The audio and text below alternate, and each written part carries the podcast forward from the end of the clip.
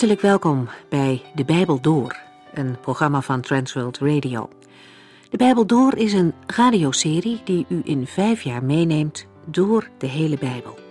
Van Genesis 1 tot Openbaring 22.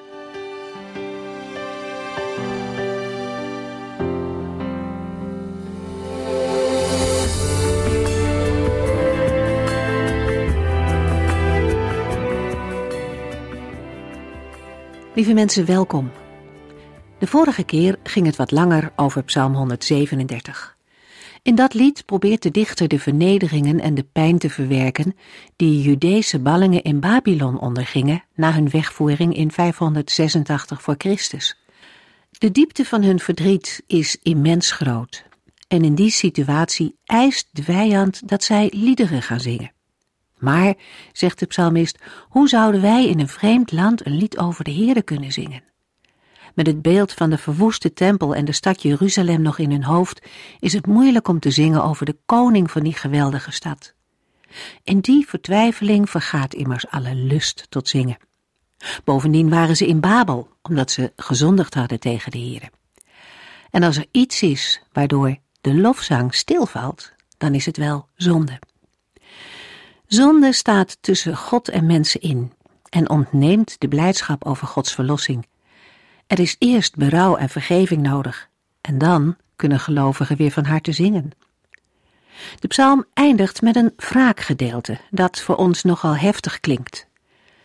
Het is belangrijk om deze gedeelte te zien als oordeel van de Heere. Het kwaad blijft bij hem niet ongestraft. Mensen kunnen niet zomaar dingen doen die de Heere heeft verboden. Zeker niet als zij daarbij ook aan Gods eigen volk komen.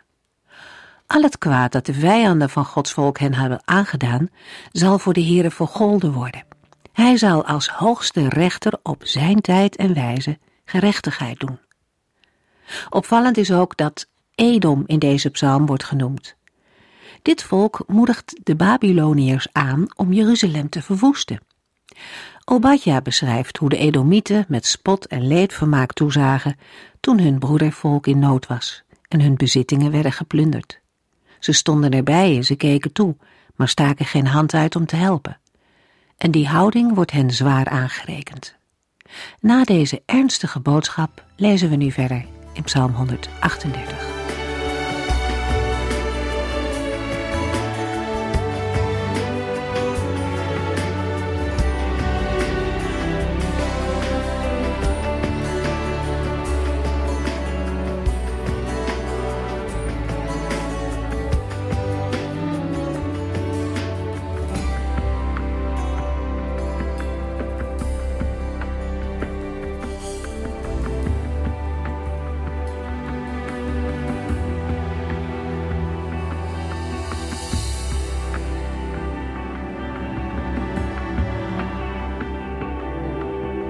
138 is een danklied en hoort volgens het opschrift tot de collectie van David. De psalm bestaat uit drie delen: de dankzegging in de versen 1 tot en met 3, een oproep aan de wereld om de grootheid van de Heere te erkennen in de versen 4 tot en met 6 en hoop op hulp in de versen 7 en 8. Psalm 138 ademt vertrouwen uit wat tot uiting komt in een dubbele herhaling van vertrouwen op Gods hulp in de versen 3 en 7 en vertrouwen op Gods goedheid in de versen 2 en 8. Psalm 138, vers 1. Een lied van David. Met mijn hele hart zal ik u prijzen en roemen. Ik daag de machtigen uit en zing psalmen voor u. De Septuaginta schrijft Psalm 138 toe aan Zacharia. Vermoedelijk wegens de affiniteit tussen Zacharia en Psalm 138, vers 4 en 5. Maar dat is geen argument tegen Davids auteurschap. Het voornaamste argument tegen een vroege datering van de psalm is het geloof aan de algemeenheid van Gods genade in Psalm 138. In het algemeen wordt dat als een perspectief van en na de ballingschap gezien. Toch valt het zeker niet uit te sluiten dat wereldwijde perspectieven ook in Davids tijd werden bezongen. voor een datering in de tijd van David pleit dat de psalm een koningslied is, zoals blijkt uit de uitnodiging aan andere koningen om de Heere te eren in vers 4. De dichter gaat uit van een belangrijk effect op de koningen van de wereld, hetgeen een hoge positie veronderstelt. Ook de waarschuwing in vers 6 tegen koninklijke hoogmoed past hierin, omdat de hemelse koning dat doorziet en omziet naar ieder die zich van zijn kleinheid bewust is. De dichter zegt de Heere dank met zijn hele hart en psalm zingt ten overstaan van de zonen van God voor de Heere. Voor zonen van God vinden we in de Bijbelvertalingen verschillende interpretaties. Een aantal vertalingen verstaat onder goden aardse hoogwaardigheidsbekleders. Vandaar de vertaling: Ik daag de machtigen uit. De term goden en zonen van God hebben we in eerdere uitzendingen al uitgebreid besproken en laten we hier verder rusten. Psalm 138, vers 2. In uw heilige tempel wil ik op mijn knieën gaan en uw naam eren om uw goedheid, liefde en trouw. Want u hebt tot eer van uw naam al uw beloften ingelost. Vanuit de hemel is er aandacht voor wat de bidder op aarde doet. Hij buigt zich neer in het heiligdom en dankt voor Gods goedheid en trouw. Want zijn naam en zijn beloften zijn wereldwijd bekend. Het woord voor heiligdom duidt meestal de tempel aan, die er in Davids tijd nog niet was, waar koningen kwamen bidden. In combinatie met andere argumenten wordt op grond van het woord tempel het auteurschap van David wel weersproken. Maar in 1 Samuel 1 vers 9 wordt hetzelfde woord met tabernakel vertaald. De tabernakel was het heiligdom in de tijd van David. Daar komt nog bij dat in vers 2 ook de hemel als tempel bedoeld kan zijn. Een roep om hulp bereikt de Heere in zijn aardse of hemelse tempel. De formulering in uw heilige tempel wil ik op mijn knieën gaan kan ook inhouden dat de dichter op dat moment niet in de tempel is en ergens bidt in de richting van Jeruzalem. Psalm 138, vers 3. Toen ik u aanriep, hebt u mij antwoord gegeven. U gaf mij nieuwe moed en kracht om verder te gaan. Toen de dichter riep, antwoordde de Heer en gaf hem kracht en moed. Deze toezegging overtuigde David dat de Heer aan zijn kant was en dat bemoedigde hem. Maar op grond van het vervolg kunnen we nog niet denken aan een behaalde overwinning op de vijanden. Psalm 138, vers 4 en 5. Heren, eenmaal zullen alle koningen van deze aarde u prijzen, wanneer ze hebben gehoord wat u zegt. Zij zullen liederen zingen over alles wat de Heere doet, want zijn macht en majesteit zijn onmetelijk groot. Vervolgens noemt de dichter de koningen van de aarde, die gehoord hebben of hopelijk nog zullen horen over de Heere. De dichter wil dan dat zijn woorden zullen worden overgenomen. Laten de koningen de Heere gaan prijzen en gaan zingen over zijn daden en grote majesteit. Dit wereldwijde perspectief zagen we ook in andere psalmen. Dat hier alleen de koningen genoemd worden is opmerkelijk en is een aanwijzing voor een koninklijke dichter. Psalm 138, vers 6. De Heer is hoog verheven en ziet vol liefde neer op ieder die zich van zijn kleinheid bewust is.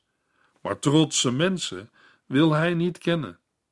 Laten de koningen ook beseffen dat de Heere hoger staat dan zij, dat hij vooral aandacht heeft voor hen die zich van hun kleinheid bewust zijn, de armen. Laat ze daar een voorbeeld aan nemen, want hoogmoedige of trotse mensen worden tot hun schade direct doorzien en wil de Heer niet kennen. De trotse moderne mens lijkt geen ervaring te hebben in het tonen van kleinheid en nederigheid. In Jacobus 4, vers 6 lezen we: Maar hij geeft ons steeds meer genade. Daarom staat er in de boeken: God keert zich tegen de hoogmoedigen maar hij is genadig voor wie nederig is. Over nederigheid wordt in de Bijbel heel veel gezegd. Het is iets wat de Heere ziet en erkent. David nam een nederige positie in. We lazen in Psalm 131, vers 1: Heere, ik stel mijzelf niet boven anderen en kijk niet trots om me heen. Ik bemoei mij niet met zaken die te hoog gegrepen zijn of die ik niet kan begrijpen. In Jesaja 57, vers 15 wordt ons gezegd: De hoge en doorluchtige, die de eeuwigheid bewoont, de heilige, zegt: Ik leef in die hoge en heilige plaats, maar ook bij ieder die berouwvol en nederig is. Ik verfris de nederigen en geef nieuwe moed aan mensen met een berouwvol hart. In het Nieuwe Testament, in 1 Petrus 5, vers 5, lezen we: Jonge mensen, doe wat de leiders zeggen. U moet in de omgang met elkaar nederig zijn, want God keert zich tegen de hoogmoedigen, maar hij is genadig voor wie nederig is. En in 1 Petrus 3, vers 4: Het gaat om uw innerlijk, om een vriendelijk en evenwichtig karakter. Dat is een onvergankelijk sieraad dat voor God grote en blijvende waarde heeft. Psalm 138, vers 7. Wanneer ik in grote moeite en zorgen verkeer, houdt u mij vast. U houdt de woede van mijn vijanden bij mij weg en bevrijdt mij door uw kracht. Ook al ontmoet de dichter veel gevaren op zijn weg, de Heere houdt hem in leven. Hij redt hem van de woede van zijn vijanden en Gods kracht, zijn rechterhand, verlost hem. Psalm 138, vers 8. De Heere zal ervoor zorgen dat alles goed voor mij afloopt. Heere, uw goedheid en liefde zijn eeuwig. Laat het werk dat u bent begonnen niet halverwege ophouden. De dichter is zeker dat de Heere zal voltooien wat hij begon. Zijn goedheid en liefde, zijn verbondstrouw, blijft voor altijd. Vertrouwend bidt hij dat de Heere zijn handen niet aftrekt van zijn werk. Daarmee blijkt een combinatie van toezeggingen en gebed, net als in Psalm 33. Eerst de belofte en daarna het gebed in Psalm 33, vers 22. Maar de hulp van de Heere is nooit een vanzelfsprekendheid, omdat er ook voorbeelden in de geschiedenis zijn dat de Heere zijn handen wel terugtrok. Op een nieuwtestamentische manier wordt hetzelfde verwoord in Filippenzen 1, vers 6. Ik ben er zeker van dat God op de grote dag van Christus Jezus het goede werk dat Hij onder u begonnen is, zal voltooien. In de psalmen wordt Israëls geloof vaker naar de buurlanden uitgedragen, maar de focus op de koningen is uniek. De aandacht in Psalm 138 ligt helemaal op de machthebbers op aarde. Maar ze moeten buigen voor de Heere. De dichter blijft als koning afhankelijk van Gods bescherming tot de Heere zijn werk zal hebben voltooid. In de profetische Bijbelboeken wordt dit perspectief verder ontvouwd. Er wordt afgerekend met het kwaad, en de aarde zal vol zijn van de kennis van de Heere. De boodschap van Psalm 138 is voor christenen bekend. Zij mogen zichzelf zien als Gods werk, in wie Christus een goed werk is begonnen, dat hij ook zal afmaken. Daarnaast beseffen zij de aandacht van de Heere voor het gewone, het zwakke en wie nederig is, voor wie de hoogste koning erkent. Ook bidden zij in opdracht van 1 Timotheus 2 vers 2 Bid zo ook voor koningen en alle anderen die een hoge positie hebben, opdat wij in rust en vrede mogen leven en de Heere vrij in alles kunnen dienen. We gaan verder met Psalm 139. Psalm 139 heeft de vorm van een gebed en bevat kenmerken van verschillende genres. Sommige versen zijn herkenbaar als onderdelen van een klaaglied. Andere versen zijn kenmerkend voor lofpsalmen maar de centrale thema's duiden eerder op een wijsheidspsalm. Het hoofdthema van Psalm 139 is de alwetendheid en alomtegenwoordigheid van de Heer.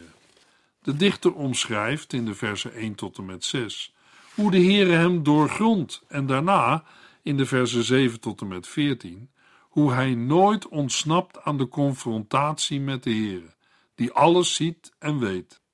Het feit dat dit niet bedreigend is, betekent dat er ook geen aanleiding tot straf bestaat. De dichter beschrijft in de versen 14 tot en met 18 hoe hij al voor zijn geboorte het voorwerp was van Gods aandacht.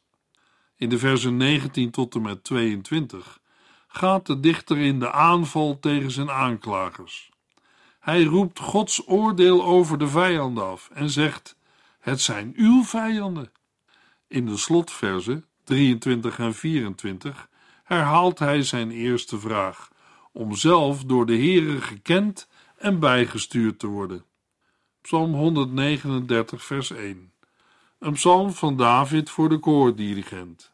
Heere, u ziet alles van mij. U kent mij helemaal zoals ik ben. Net als Jeremia, toen hij onder vuur lag, beroept David zich op het feit dat de Heer hem kent en doorgrondt. Ook voor ons een grond om met alles uit ons leven naar de Heer te gaan. Psalm 139, vers 2 tot en met 4. U weet het als ik zit en als ik weer opsta. Vanuit de hemel weet u wat ik denk. U ziet waar ik heen ga en weet wanneer ik ga liggen. Alles wat ik doe is voor u bekend. Elk woord dat ik uitspreek kent u al, heren. De Heere heeft al lang van tevoren alles van de dichter doorzien. Of hij nu onderweg is of opstaat, alles is voor de Heere bekend. Er komt geen woord over zijn lippen, of de Heere kent het. Ook de woorden die hij uitspreekt. In de psalm is het uitspreken van woorden nooit neutraal. Het gaat steeds om goede of kwade plannen smeden, eerlijke of valse getuigenissen afleggen, een wijs of dwaas advies geven, lastelijk of lovend spreken. In die context is het logisch dat elk woord door de Heere wordt gewogen. In Psalm 73, vers 11 is de reactie van de goddeloze omschreven. Hij zegt of denkt: God kan niet alles weten, of God weet niet alles. Maar de dichter van Psalm 139 is door de Heere omsloten van voor en achter. Psalm 139, vers 5 en 6.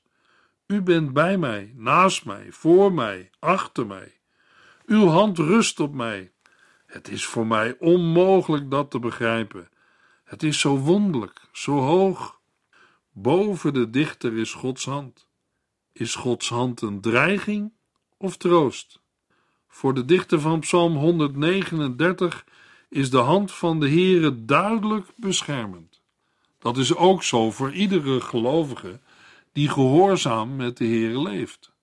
Maar Gods hand is dreigend voor wie zich tegen hem verzet. Hoe de Heere een mens zo kan kennen, gaat het menselijke verstand te boven. Psalm 139, vers 7 tot en met 12. Hoe zou ik mij kunnen verbergen voor uw geest? Waar zou ik naartoe moeten om u te ontvluchten? Als ik naar de hemel ging, zag ik u daar. Als ik neerdaalde in het dodenrijk, zou ik u ook daar ontmoeten. Zelfs als ik vleugels had en ging wonen aan de andere kant van de zee, zou ik u daar ontmoeten. U zou mij vasthouden en uw rechterhand zou mij stevig leiden. Stel dat ik zei dat de duisternis op mij kon vallen, dan zou het nog licht om mij heen zijn. Ook de duisternis kan niets voor u verbergen. Voor u is de nacht net zo licht als de dag, en duisternis betekent niets voor u. Na een beschrijving van alledaagse zaken gaat de dichter verder met de beschrijving van kosmische zaken. De dichter verklaart dat hij niet kan ontsnappen aan de alziende God, ook al zou hij het nog zo hard proberen.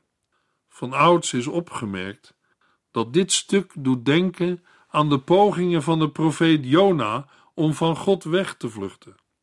Maar er zijn nog meer teksten over dit thema. Dat de mens niet kan vluchten voor de Here is slecht nieuws voor hen die hem ongehoorzaam zijn. In Jeremia 23, vers 23 en 24 vraagt de Heere: Ben ik soms een God die maar op één plaats tegelijk is? en die niet van veraf kan zien wat zij uitvoeren? Kan iemand zich voor mij verbergen? Ben ik niet overal tegelijk in de hemel en op de aarde? Maar voor de dichter heeft Gods alomtegenwoordigheid precies het tegenovergestelde effect. Hij zou absoluut niet weten waarheen hij voor de Here zou moeten vluchten. De dichter noemt de meest onbereikbare oorden op: de hemel, het dodenrijk, de onbereikbare horizon waar de zon opkomt, of de overkant van de verste zee. Als iemand daar echt uit zichzelf heen kon gaan, dan zou hij de Heere ook daar ontmoeten. Niemand kan een plaats in de hemel of op de aarde verzinnen die niet getuigt van de aanwezigheid van God. Vol vertrouwen ziet de dichter van Psalm 139 dan ook de dag tegemoet, waarop de duisternis op hem kan vallen, waarmee mogelijk doodsgevaar wordt bedoeld. In Gods licht kan de duisternis zelfs een nacht niet donker maken. Psalm 139, vers 13 tot en met 18. U hebt mij immers in de buik van mijn moeder gemaakt. Mijn hele lichaam werd door u geweven. Ik prijs u, omdat u mij zo prachtig hebt gemaakt. Alles wat u doet is wonderbaarlijk. Alles in mij getuigt ervan. U zag elk van mijn botten, terwijl ze in het verborgene werden gemaakt. U zag mij al toen ik nog geen vorm had. Elke dag van mijn leven stond toen al in uw boek opgeschreven. Wat betekenen uw gedachten veel voor mij, mijn God? Ze zijn ontelbaar. Zelfs als ik ze zou proberen te tellen, blijken het er nog meer te zijn dan de zandkorrels. Ik ben voortdurend in uw nabijheid. De dichter beseft dat de Heer hem in de buik van zijn moeder heeft gemaakt. De Heere verdient alle dank en eer om de wonderbaarlijke wijze waarop hij dat heeft gedaan. Niemand anders dan de Heere zag hoe zijn beenderen, de basis voor het lichaam, langzaam ontstonden. Een groei die hier poëtisch wordt omschreven als een weefwerk. Toen hij nog een embryo was, zag de Heere hem. Dit is een heel belangrijk punt vanwege de discussies over het wel of niet toestaan van een abortus. Veel mensen zijn van mening dat de Bijbel niets over abortus zegt, maar we kunnen niet om Psalm 139 heen. Terwijl het lichaam werd gevormd, was de dichter een persoon. Zijn hele lichaam werd door de Heere geweven. Nog voor zijn eerste levensdag had de Heere zijn hele levensduur al vastgelegd en opgetekend in het levensboek. De vermelding van Gods boek, waarin hij het leven bijhoudt, vinden we ook op andere plaatsen in het Oude Testament. Het vormen van de levensdagen legt een verband tussen de vorming van de foetus en de gedetailleerde vorming van de latere levensloop. Sterker nog, elke dag staat al genoteerd. Wordt zo de grens tussen voorkennis en determinisme, ontkenning van de vrijheid van de wil, niet overschreden? Alsof alles al van tevoren vast ligt? We moeten niet vergeten dat dit poëzie is en geen filosofie. De dichter kan heel goed tegelijkertijd beseft hebben dat de mens zelf invloed uitoefent op zijn eigen leven. Bovendien moeten we deze verzen lezen als onderdeel van zijn betoog van onschuld, als zelfs zijn diepste geheimen, die hij zelf niet kent, volkomen bekend zijn bij de Heere. Hoeveel te meer zijn bewuste daden. In vers 17 sluit de dichter zijn overwegingen af. Zijn gedachten mogen dan doorgrond worden door de Heere. Het omgekeerde is niet waar. De dichter begrijpt niets van Gods ondoorgrondelijke gedachten. Psalm 139, vers 19 tot en met 24. Mijn God, wilt u uw tegenstanders doden? Moordenaars, blijf uit mijn buurt. Ze zeggen boosaardige dingen tegen u en gebruiken uw naam voor hun leugens. Zij zijn uw vijanden. Ik moet immers wel de mensen haten die u haten, heren. Ik heb een diepe afkeer van mensen die tegen u in opstand komen. Ik voel een diepe haat tegen hen en beschouw hen als mijn eigen vijanden. God, Houd u mij in het oog en ken mijn hart. Toets mij. U mag alles weten wat er in mij omgaat. Let op of ik soms de verkeerde weg op ga. Leid mij op uw weg, die naar uw eeuwigheid voert. Net zoals de vorige psalm loopt ook psalm 139 uit op een gebed om vergelding over de vijanden. Dat zijn moordenaars, bedriegers en vermoedelijk ook degene die de dichter belagen en beangstigen met valse aanklachten. De roep om vergelding staat niet in contrast met het voorgaande. De dichter is een even grote tegenstander van bedrog en van onschuldig bloedvergieten als God zelf. Hij wil van hen worden verlost. De genoemde haat is niet zozeer een felle gemoedsuiting als wel een volkomen afstand nemen van verkeerde praktijken. Net als in Psalm 26 staan het gebed om toetsing en afkeer van het kwade bij elkaar. De dichter hoeft niet bang te zijn voor hun aanklachten en valse getuigenissen, want de Heere doorgrondt zijn hart, peilt zijn gemoed en kent zijn zorgen. Psalm 139 is ermee begonnen en sluit er ook mee af.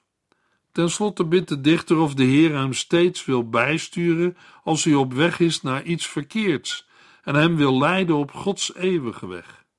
Het begin van Psalm 139 over Gods aanwezigheid en zorg doet denken aan de bemoedigende woorden die de Heer Jezus zegt tot zijn discipelen. Zij hoeven niet bezorgd te zijn, omdat de Hemelse Vader zorgt. Zelfs de haren op hun hoofd zijn allemaal geteld. De verzen over het levensbegin geven veel aanleiding tot verwondering.